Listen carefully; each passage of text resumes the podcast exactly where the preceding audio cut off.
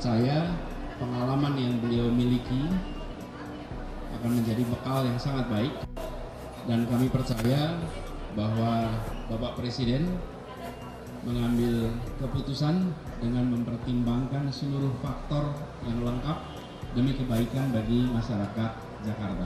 Heru Budi itu masa kerjanya dua tahun. Kalau dilihat konteksnya pembangunan fisik dalam skala besar, kelihatannya punya potensi risiko terkait apa yang sudah dilakukan oleh Pak Anies jika proyek itu atau kegiatan dalam skala besar. Nah, sekarang yang perlu dilakukan oleh pejabat gubernur adalah mungkin mengevaluasi terlebih dahulu dari apa yang dilakukan oleh Pak Anies, mana program-program yang kelihatannya bermanfaat atau sangat punya nilai uh, apa tambah yang positif buat masyarakat itu untuk segera ditindaklanjutin. Konsep transportasi ini sudah bagus, tinggal bagaimana konsep keberlanjutannya. Jadi Pak Presiden menitipkan, menyampaikan kepada saya secara garis besar ada tiga hal. Yang pertama adalah penanganan banjir, tata ruang, kemacetan lalu lintas. Dan terkait dengan kemacetan lalu lintas, sebenarnya DKI itu sudah memiliki uh, blueprint yang bagus, mulai dari Pak Wiyogo, dilanjutkan Pak Fauzi Bowo, kan seperti Transjakarta dilanjutkan sampai dengan gubernur sekarang. Ya tentunya program itu kita lanjutkan terkait dengan banjir, tentunya semua gubernur lah sudah menanggulangi ini dan saya akan lanjutkan uh, program-program yang memang untuk penanggulangan banjir. Misalnya normalisasi.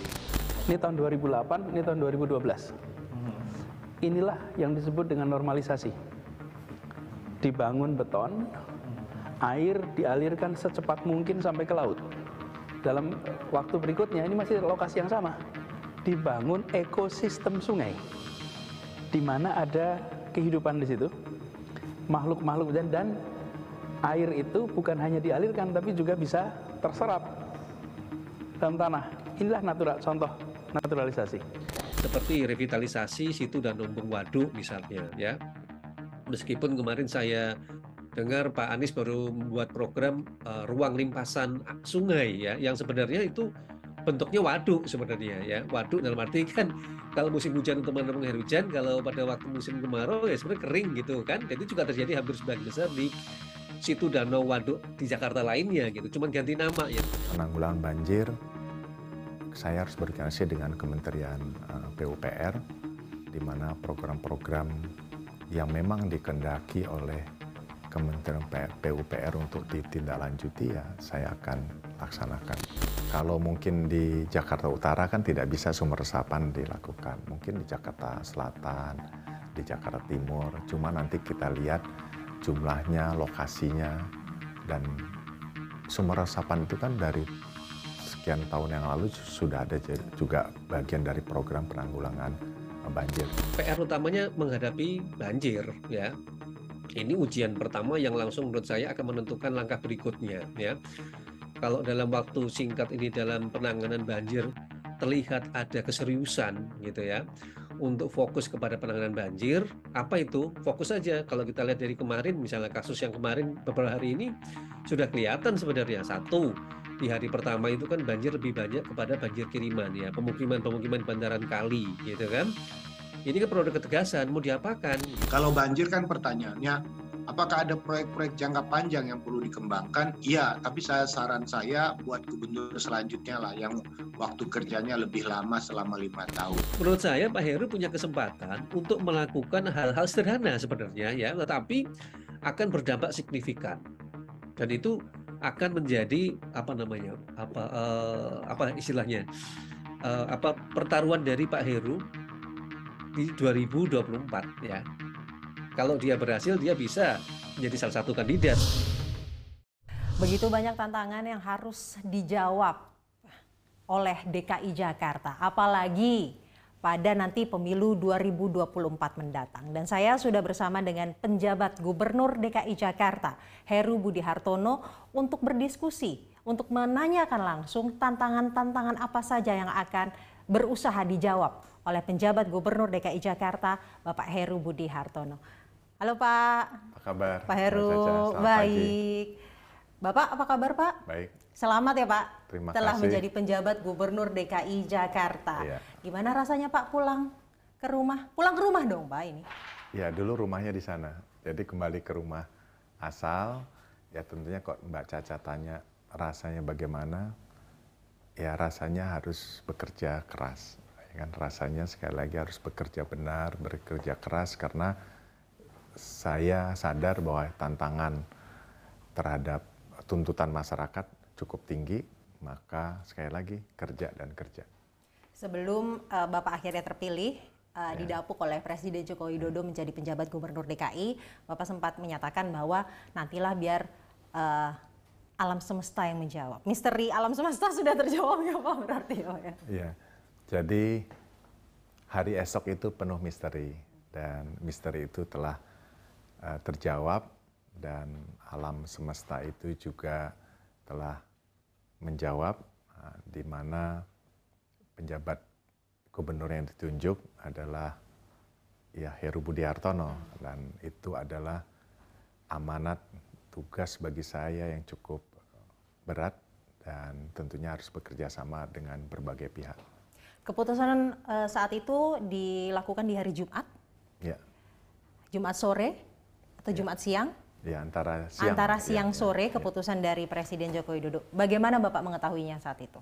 Saya justru Apa sebelum itu udah tahu, Pak? Oh, tidak. Okay. Jadi kan hari Jumat itu TPA, tetapi kan tim penilai akhir itu kan sangat terbatas. Hmm. Ya, tentunya sangat rahasia lah.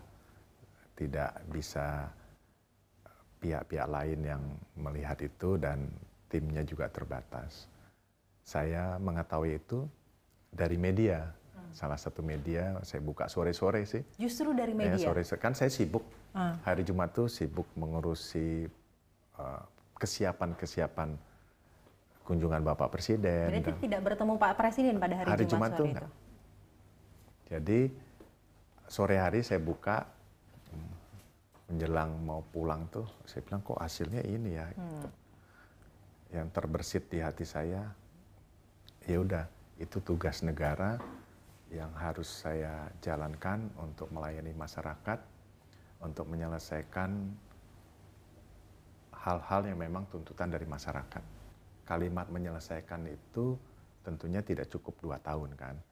Menyelesaikan itu cukup berat, artinya saya berusaha semaksimal mungkin apa itu yang diberikan oleh Bapak Presiden Republik Indonesia, tentunya suara-suara masyarakat juga saya harus dengar, yang antara lain beliau menyampaikan pertama penanganan transportasi lalu lintas kemacetan, yang kedua banjir, yang ketiga tata ruang. Nah itu kan kalau di breakdown pekerjaannya luar biasa dan tidak bisa pemerintah provinsi sendiri yang menangani itu. Artinya dengan pemerintah pusat, dengan tokoh masyarakat, dengan TNI Polri, dengan para ahli-ahli perencanaan kota untuk kita dengar, berdiskusi, dan mungkin sudah mengerucut. Saya lihat di media antara ya penanggulan banjir. Banjir itu kan bermacam-macam ya untuk mengatasinya ya. Mengeruk semua saluran.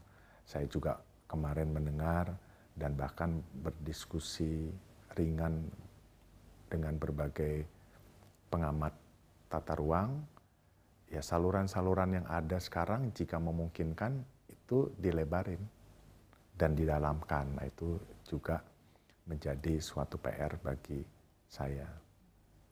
Nah tentunya penanggulangan banjir saya harus berkoordinasi dengan Kementerian uh, PUPR di mana program-program yang memang dikendaki oleh Kementerian PUPR untuk ditindaklanjuti ya saya akan laksanakan kalau mungkin di Jakarta Utara kan tidak bisa sumber resapan dilakukan. Mungkin di Jakarta Selatan, di Jakarta Timur, cuma...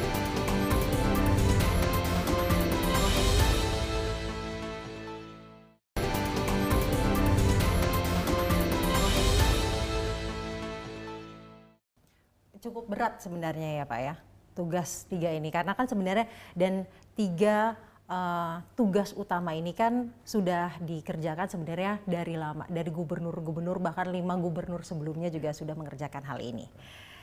Tapi pertanyaan saya belum ke situ Pak, belum mengenai program. Yeah. Karena kan ini sebagai penjabat yeah. nanti akan ada uh, alih jabatan dari uh, gubernur yang sebelumnya yaitu Gubernur Anies Baswedan. Sudah ngobrol dengan Pak Anies, ngobrolnya apa aja nih Pak? Terima kasih tentunya Pak Gubernur periode 2017-2022 Bapak Anies Baswedan. Ya beliau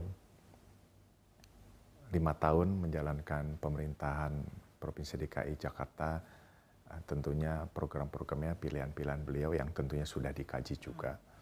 Dan kemarin ngobrol-ngobrol ringan, ya cukup lama satu setengah jam berbagai macam diskusi. Tentunya saya mendengarkan, tentunya itu adalah hasil teman-teman saya juga. Artinya program-program itu kan dinas-dinas yang melakukan program analisa yang saya sudah kenal dan itu menjadi pejabat di eranya Pak Anies Baswedan. Ya saya harus dengar, saya harus perhatikan yang mana itu untuk masyarakat. Jadi ada kalimat jangan melihat program itu siapa yang buat, tapi lihatlah program itu untuk siapa. Kalau itu untuk masyarakat, kepentingan yang lebih luas, ya kita pikirkan bersama dengan DPRD kita programkan. Program-program mana saja yang menurut Bapak akan uh, tetap menjadi prioritas selama dua tahun ke depan? Ya.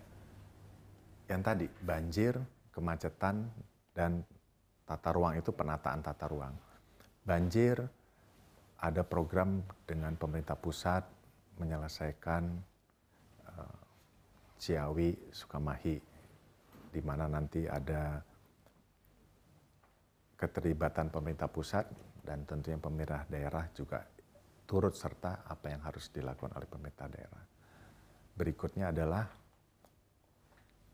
menyelesaikan sodetan uh, Ciliwung KBT, Kali Banjir Kanal Timur. Dan itu mudah-mudahan bisa kita selesaikan. Harus berkoordinasi dengan Kementerian PUPR juga berkoneksi dengan Kementerian ATR karena terkait dengan alas hak. Hmm. Kalau itu sudah selesai, tentunya dengan masyarakat ya. ya. Masyarakat sekitar sana tidak terlalu banyak, itu selesai. Ya mudah-mudahan sebagian dari bencana banjir itu kita bisa kurangi. Hmm. Ya saya nggak mungkin dong dua tahun banjir nggak ada, nggak ya, mungkin ya, juga kan. Ya. Minimal kita kurangi spot-spot titik-titik area banjir yang tadinya uh, cukup luas hmm. bisa kita kurangi. Nah, berikutnya juga pengerukan-pengerukan saluran termasuk juga penataan ataupun pengerukan kembali waduk-waduk kan ada waduk Rio, waduk uh, Pluit di Jakarta Timur, di Jakarta Selatan. Dan itu kan sebagian juga sudah dilaksanakan oleh Pak Gubernur periode 2017-2022. Hmm. Nah, tinggal yang mana yang belum ya kami lanjutkan. Uh, program dari uh, Gubernur Anies Baswedan 2017 hingga 2022 salah satunya untuk menangani banjir sumur resapan. Apakah itu juga akan dilanjutkan atau bagaimana Bapak menilai apakah itu efektif sebenarnya untuk ikut mengurangi banjir? mungkin untuk tempat-tempat tertentu, ya tempat-tempat tertentu itu bisa. Kalau mungkin di Jakarta Utara kan tidak bisa sumber resapan dilakukan. Mungkin di Jakarta Selatan, di Jakarta Timur. Cuma nanti kita lihat jumlahnya, lokasinya, dan sumber resapan itu kan dari sekian tahun yang lalu sudah ada iya. juga bagian dari program penanggulangan banjir. Tinggal nanti saya dengan minta dengan dinas eh, tata air penempatan dan volume jumlahnya saja kita diskusikan dengan DPRD karena kan anggaran juga terbatas. Mungkin ada sebagian nanti diprogramkan untuk pengurukan uh, saluran-saluran yang ada secara Oke. keseluruhan, uh, kali Cideng, kali tadi Ciliwung segala macam. Ya kita lihat. Berarti eh, waduk, eh, sodetan dan pengerukan ini akan menjadi program Prioritas, yang akan iya. menjadi prioritas Betul. dalam menangani banjir. Betul. Hal apa yang akan pertama kali Bapak lakukan? Di minggu pertama pasti ya. Saya sudah bicara dengan asisten pembangunan DKI Jakarta untuk supaya melihat program mana yang sudah ada kan tentunya kan sekarang di 2022 ini sudah ada program-program yang akan dilaksanakan dan dilanjutkan uh, pengurukan itu terus-menerus. Ya saya akan tinjau, saya akan lihat. Bisa ke Waduk Pluit, bisa ke Kali Cideng, bisa ke Kali Kerukut, bisa ke Jakarta Selatan yang kemarin banjir ya saya tanya itu penanganannya bagaimana kalau memang dia secara alam memang di bawah eh, cekungan ya harus beli hmm, pompa portable kan nggak mungkin dalam waktu cekungan terus mau dibikin waduk mau dilakukan apa pun kan tidak mungkin yang paling cepat kan eh, sistem folder Pompa sebenarnya DKI Jakarta sudah memiliki kan? Karena pada beberapa tahun yang lalu kan Iya. sudah sempat tuh Iya. jika ada genangan dan banjir pompa langsung dijalankan. Betul. Eh, Saya ingat di eranya Pak Gubernur Pak Joko Widodo dengan Pak Ahok, mungkin juga Pak Jarot. eh, Waktu itu kan saya ada di sana, jadi saya tahu. Mungkin juga sekarang Gubernur yang Pak Anies Baswedan mungkin juga pasti ada pembelian eh, pompa-pompa portable. Kalau yang baru segera kita tempatkan, kan tentunya ada proses kan, apakah sudah datang ataukah belum. Nah, yang lama ini yang saya pastikan pertama adalah pastikan itu berfungsi. Yang kedua, pastikan bahan bakarnya ada. Nah, saya punya pengalaman dulu ketika di utara, pompa ada, petugas ada, BBM-nya ada, tapi tidak diprediksi bahwa BBM itu hanya cukup untuk 6 jam. Diprediksi 6 jam itu sudah tertanggulangi lah.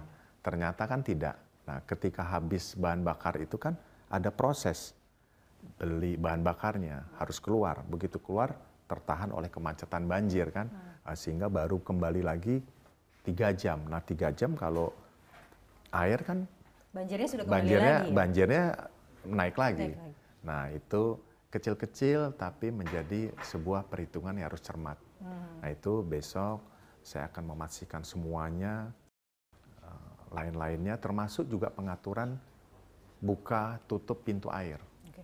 ya kan?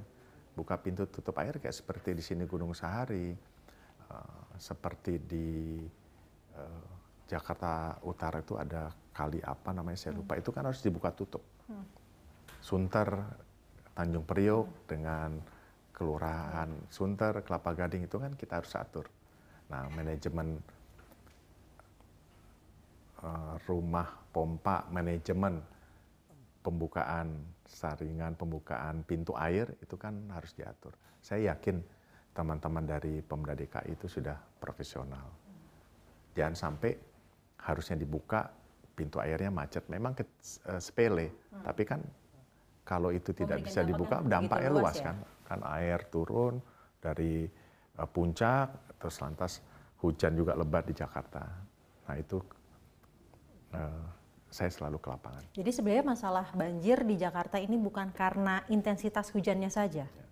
Ada dua, Oke. Eh, hujan yang memang mengguyur area DKI Jakarta, eh, juga kiriman air dari eh, daerah-daerah sekitar Jakarta. Nah, eh, Pak Heru menjadi pejabat Gubernur DKI Jakarta di masa-masa cukup kritis, Pak. Soalnya cuaca iya, lagi iya, ekstrim, iya.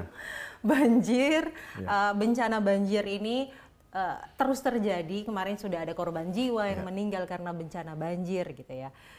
Apa yang bisa segera Bapak lakukan? Karena kan sangat kritis nih, Pak. Yang pertama sebenarnya harus banyak mobil pompa, pompa portable. Ini pompa portable tadi Iya, adalah hal pertama yang Iya, akan Bapak iya, lakukan. Antara lain untuk short time ya, Oke. untuk short time yang tadi jangka dua bulan, jangka tiga bulan, nanti Sodetan mungkin bisa selesai, kita percepat lah. Lantas di COI nanti saya koordinasi dengan Pak Menteri PU itu kan perlu waktu. Sedangkan tadi Mbak Cici bilang uh, hujan terus dan banjir ada. Ya pergerakan mobil portable dengan pengerukan saluran secepatnya. Mobil portable dan pengerukan ya, saluran secepatnya. Saluran, ya. Tadi ada beberapa program yang uh, akan dilanjutkan dari gubernur-gubernur sebelumnya dan gubernur yang kemarin baru uh, menjabat 2017 hingga 2022. Pertanyaannya adalah apa saja yang dipesankan sama Pak Anies, program mana saja yang dipesankan oleh Pak Anies? Pak?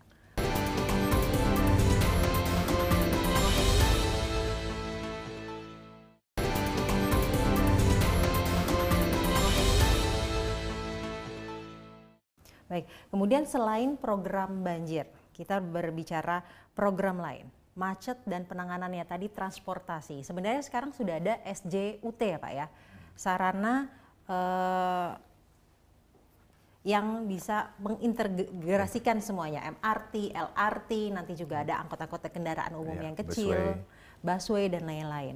Apakah itu akan menjadi salah satu uh, prioritas ke depan atau mungkin ada solusi lain yang bisa lebih cepat ya. dan efektif dalam ya. menangani transportasi hmm. dan kemacetan.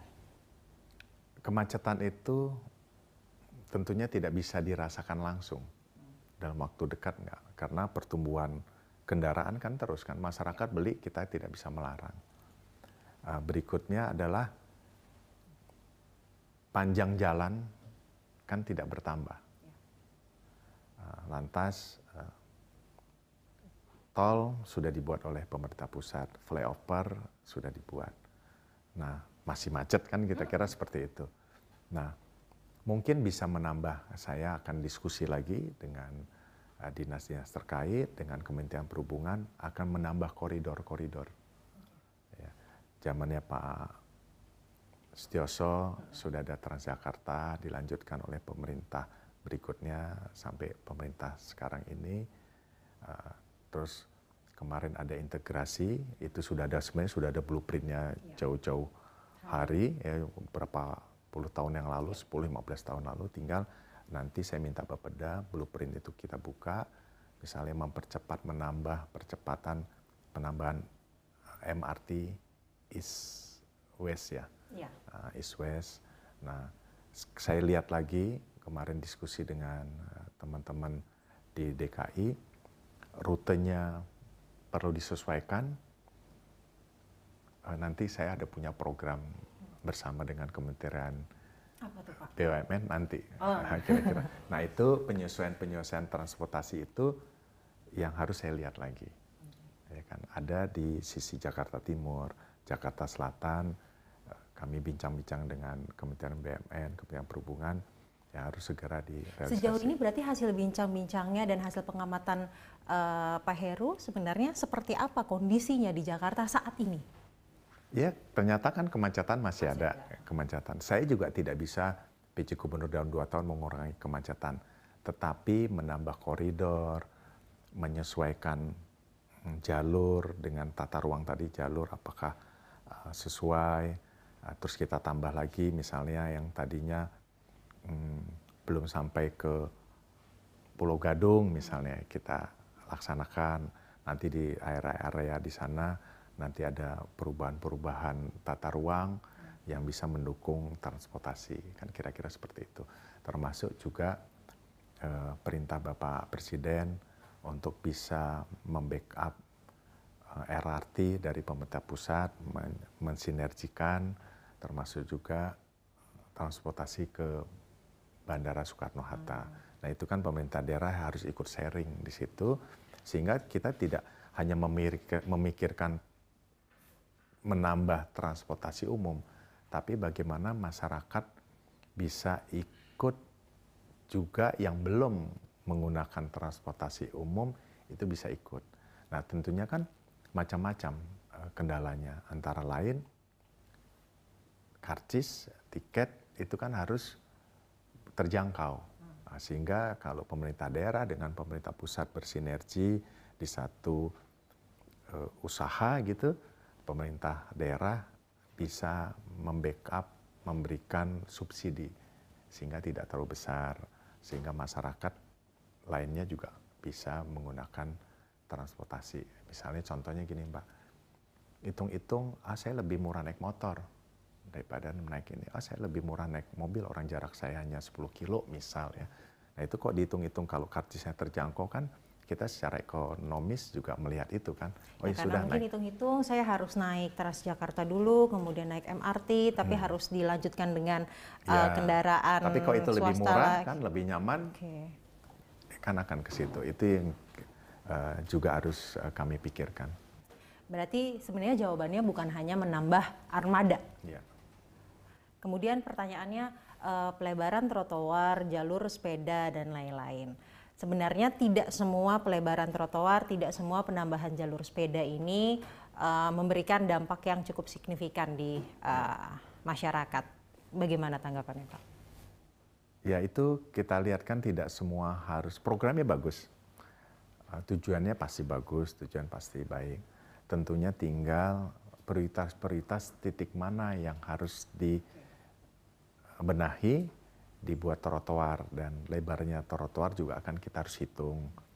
Eh, begitu juga jalur sepeda ya sekarang sudah ter terrealisasi, sudah ada ya sudah.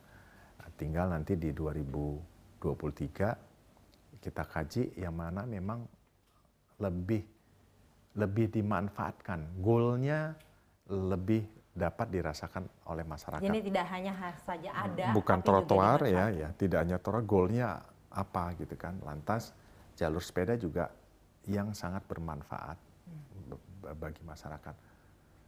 Misalnya ada yang cocok juga jalur sepeda, ada yang cocok juga. Misalnya dari Monas sampai Ratu Plaza, ya masyarakat kan banyak ya. ingin jalur sepeda. Dari Cawang sampai dengan Selipi misalnya itu juga banyak digunakan oleh pengguna sepeda kan. Hmm. Kita lihat. Nah, tinggal nanti bersama DPRD kita bahas eh, jalur-jalur itu kan tidak harus dibangun di tengah kota kan. Di perumahan pinggir kota kan juga harus diperhatikan.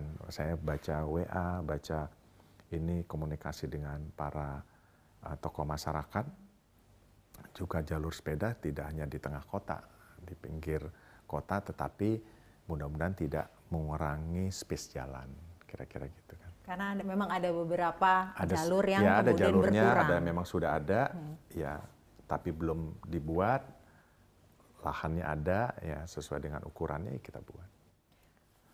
Saya mau agak flashback hmm. ke belakang karena kita udah ngobrolin program. Pertanyaan saya tadi ada beberapa program yang uh, akan dilanjutkan dari gubernur-gubernur sebelumnya dan gubernur yang kemarin baru uh, menjabat 2017 hingga 2022. Pertanyaannya adalah apa saja yang dipesankan sama Pak Anies, program mana saja yang dipesankan oleh Pak Anies? Program mana yang sekiranya dipesankan tolong dilanjutkan Pak Heru gitu.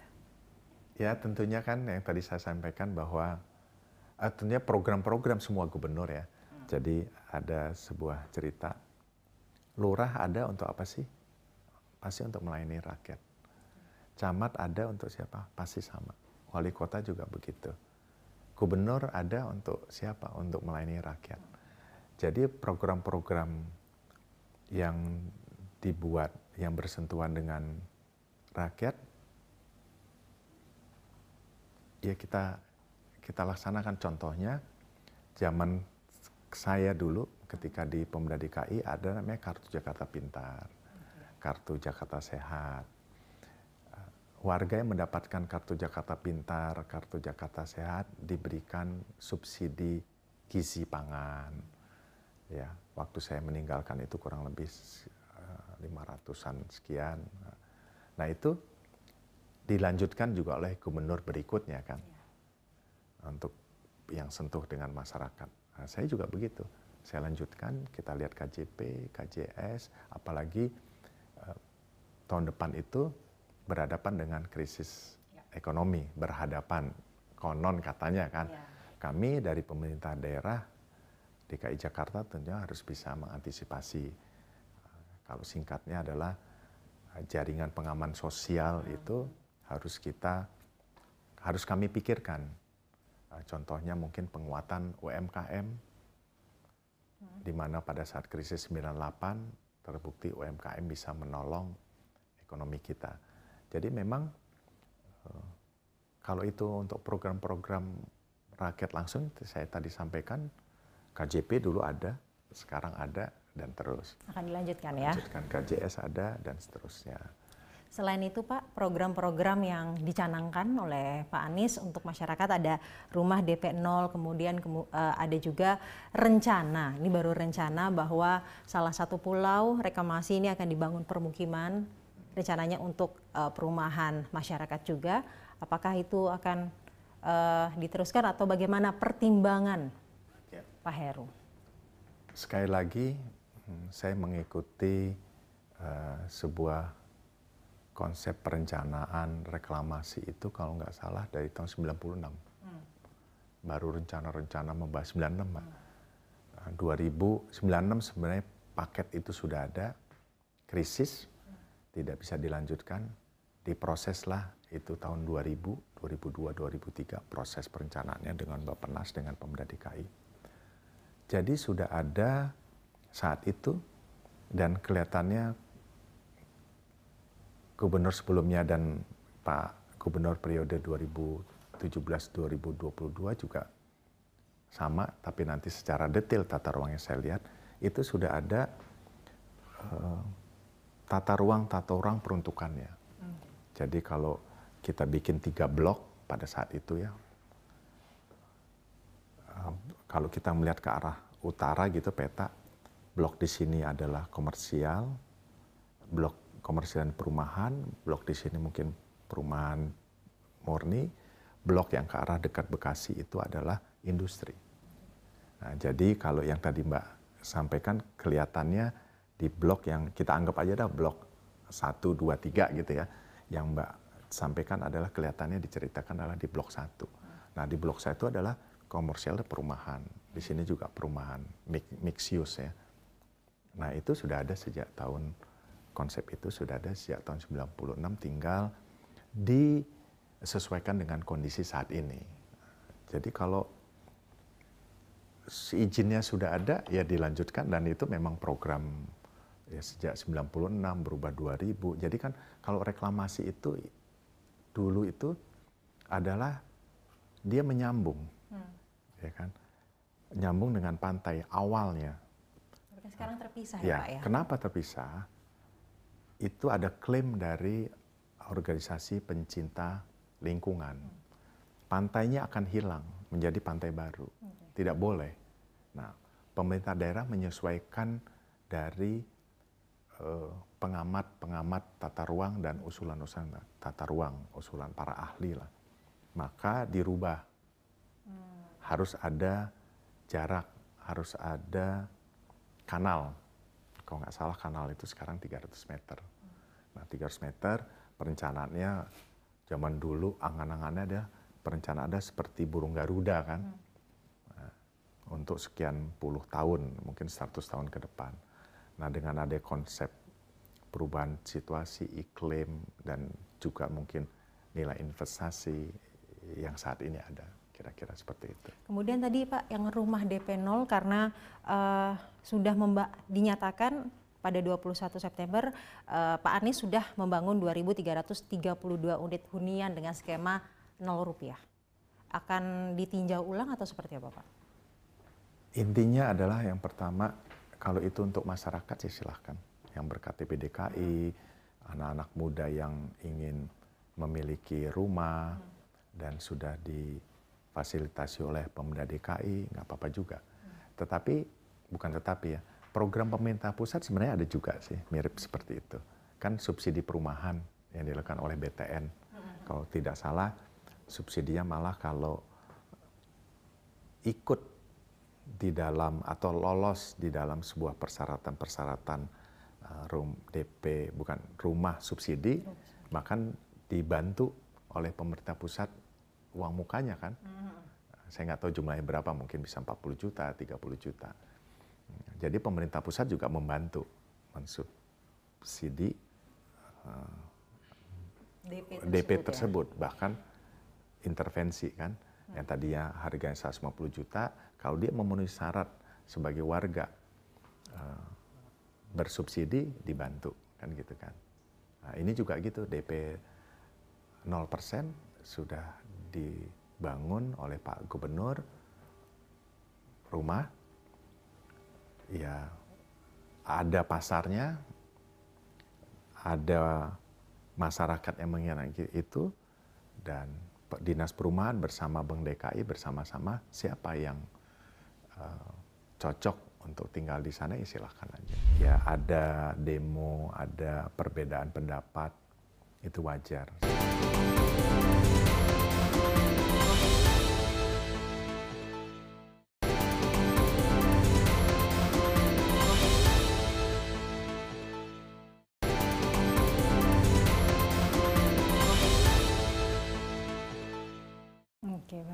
Tantangan DKI Jakarta kan sebenarnya nggak hanya tiga itu tadi ya, itu adalah tiga yang paling utama yang harus kalau bisa segera diselesaikan seperti itu.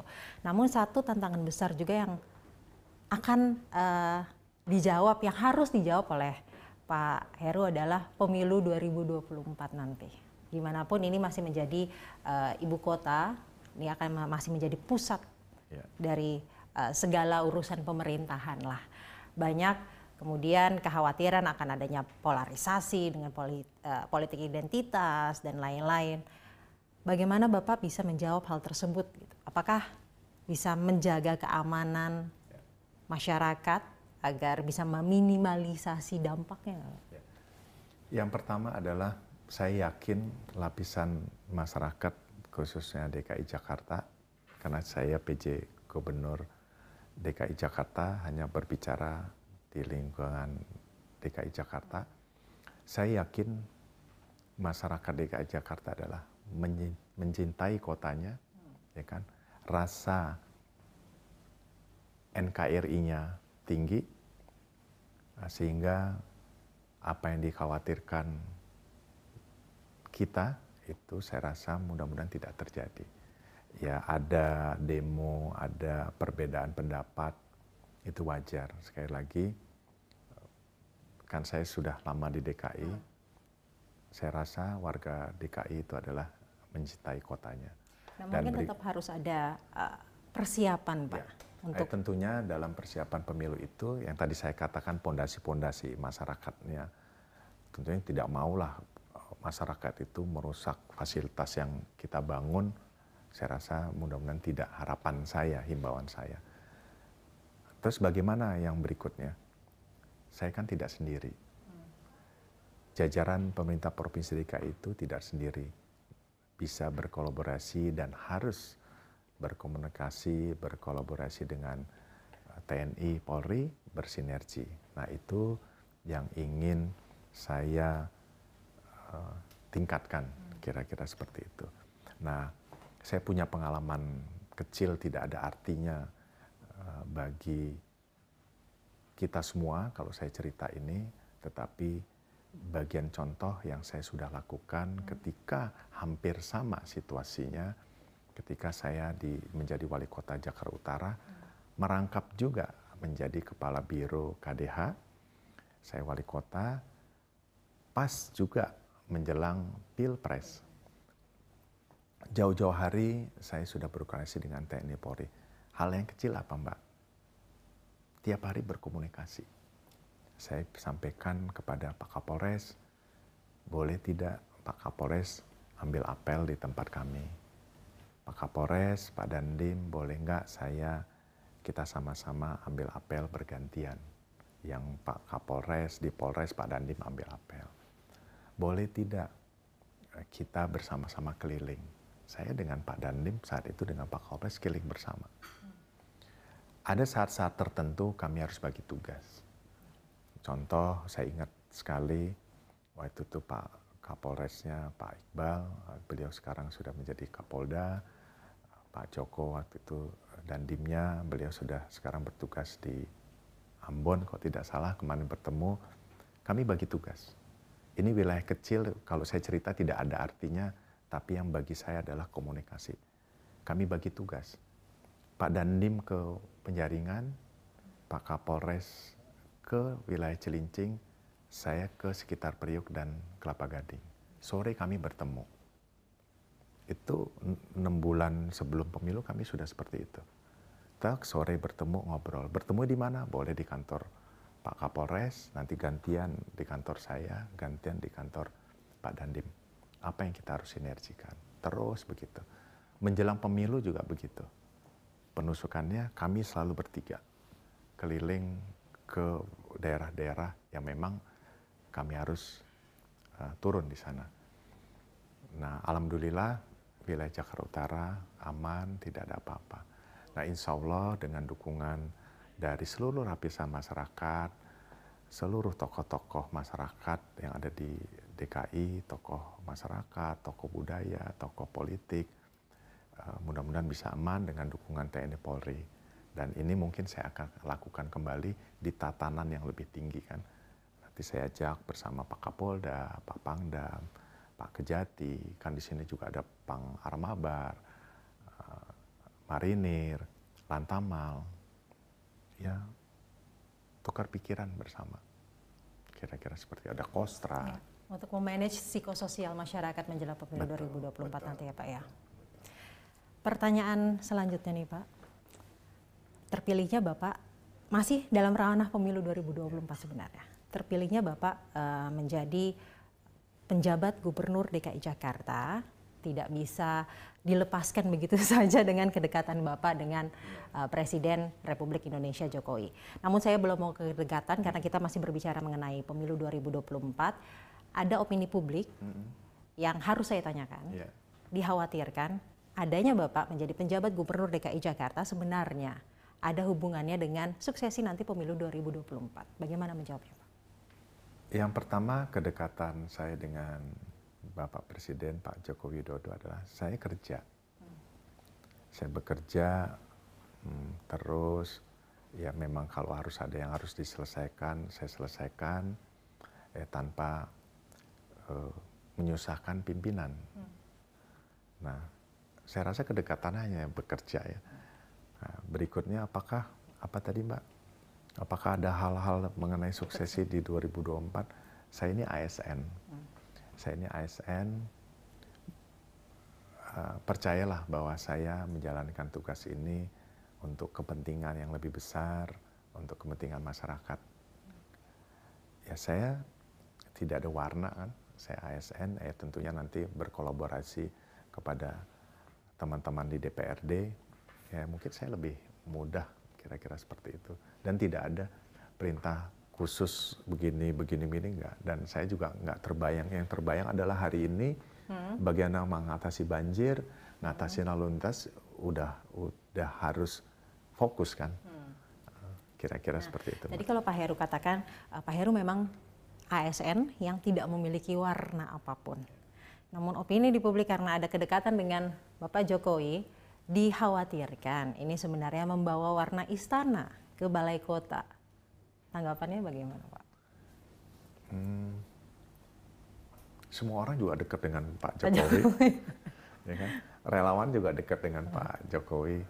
Uh, jadi tidak bisa dikatakan begitu juga ya. Para menteri juga dekat dengan uh, Pak Jokowi, tokoh-tokoh masyarakat juga dekat. Nah, saya hanya mengantarkan ini untuk supaya pemilu, pilpres maupun pilkada bisa aman, tentunya masyarakat bisa menjalankan tugasnya pada saat waktunya nanti pemilu. Saya itu. Ya. Hanya mengantarkan bagaimana ya. DKI Jakarta ini tetap aman ya, ya. dan tentram walaupun pemilu 2024. Betul. Saya kan PJ Gubernur hmm. mengisi kekosongan waktu untuk supaya mengantarkan menjelang pemilu, pilpres atau pilkada. Ya pilkada calonnya juga belum tahu kan. Tadi di awal Pak Heru sempat menyatakan bahwa sebenarnya tiga tugas utama itu nggak cukup dua tahun. Nah, akan ikutan nggak nanti berarti pilkada 2024?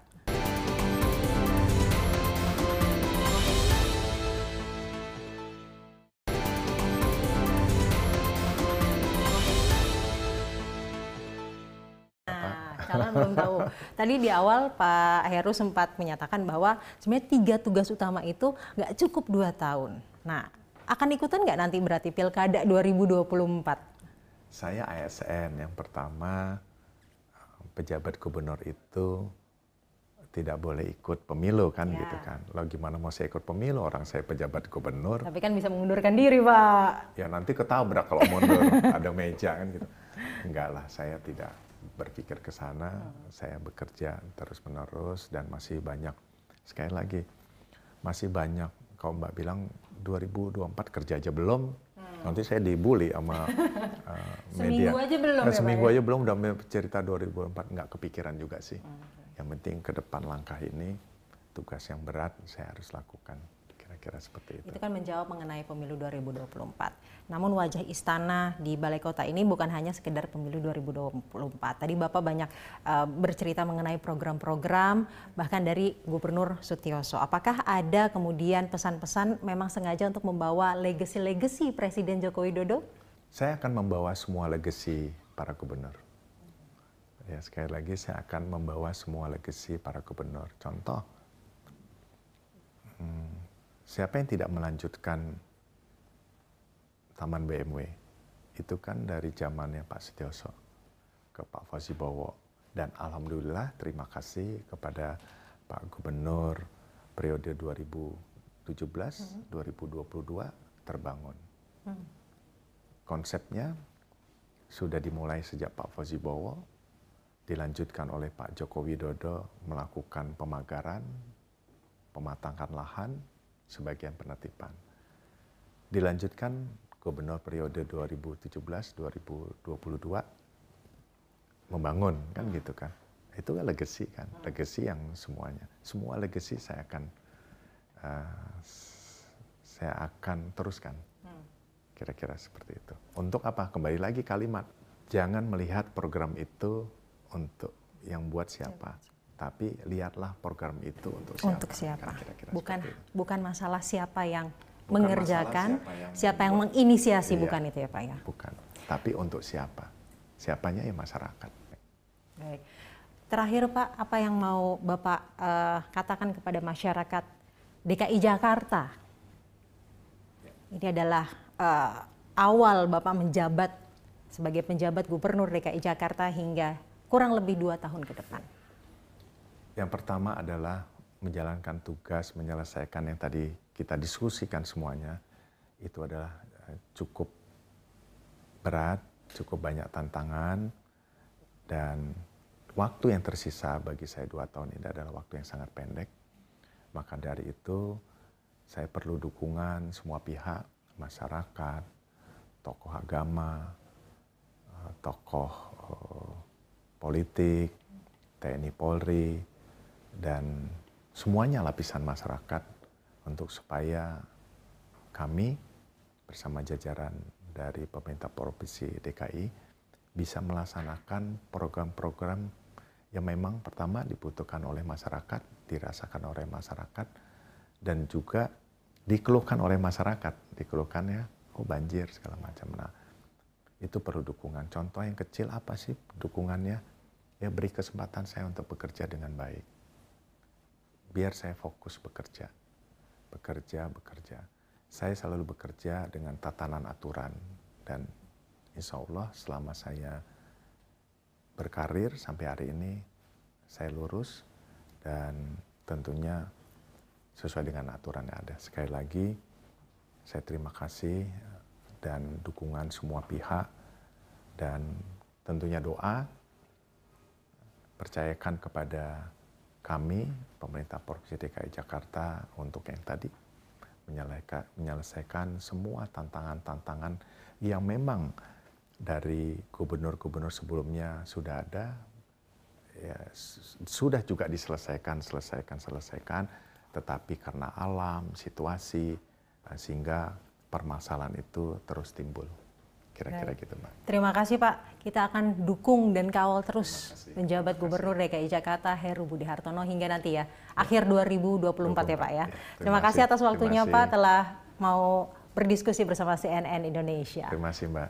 Sekian wawancara saya bersama penjabat Gubernur DKI Jakarta Heru Budi Hartono.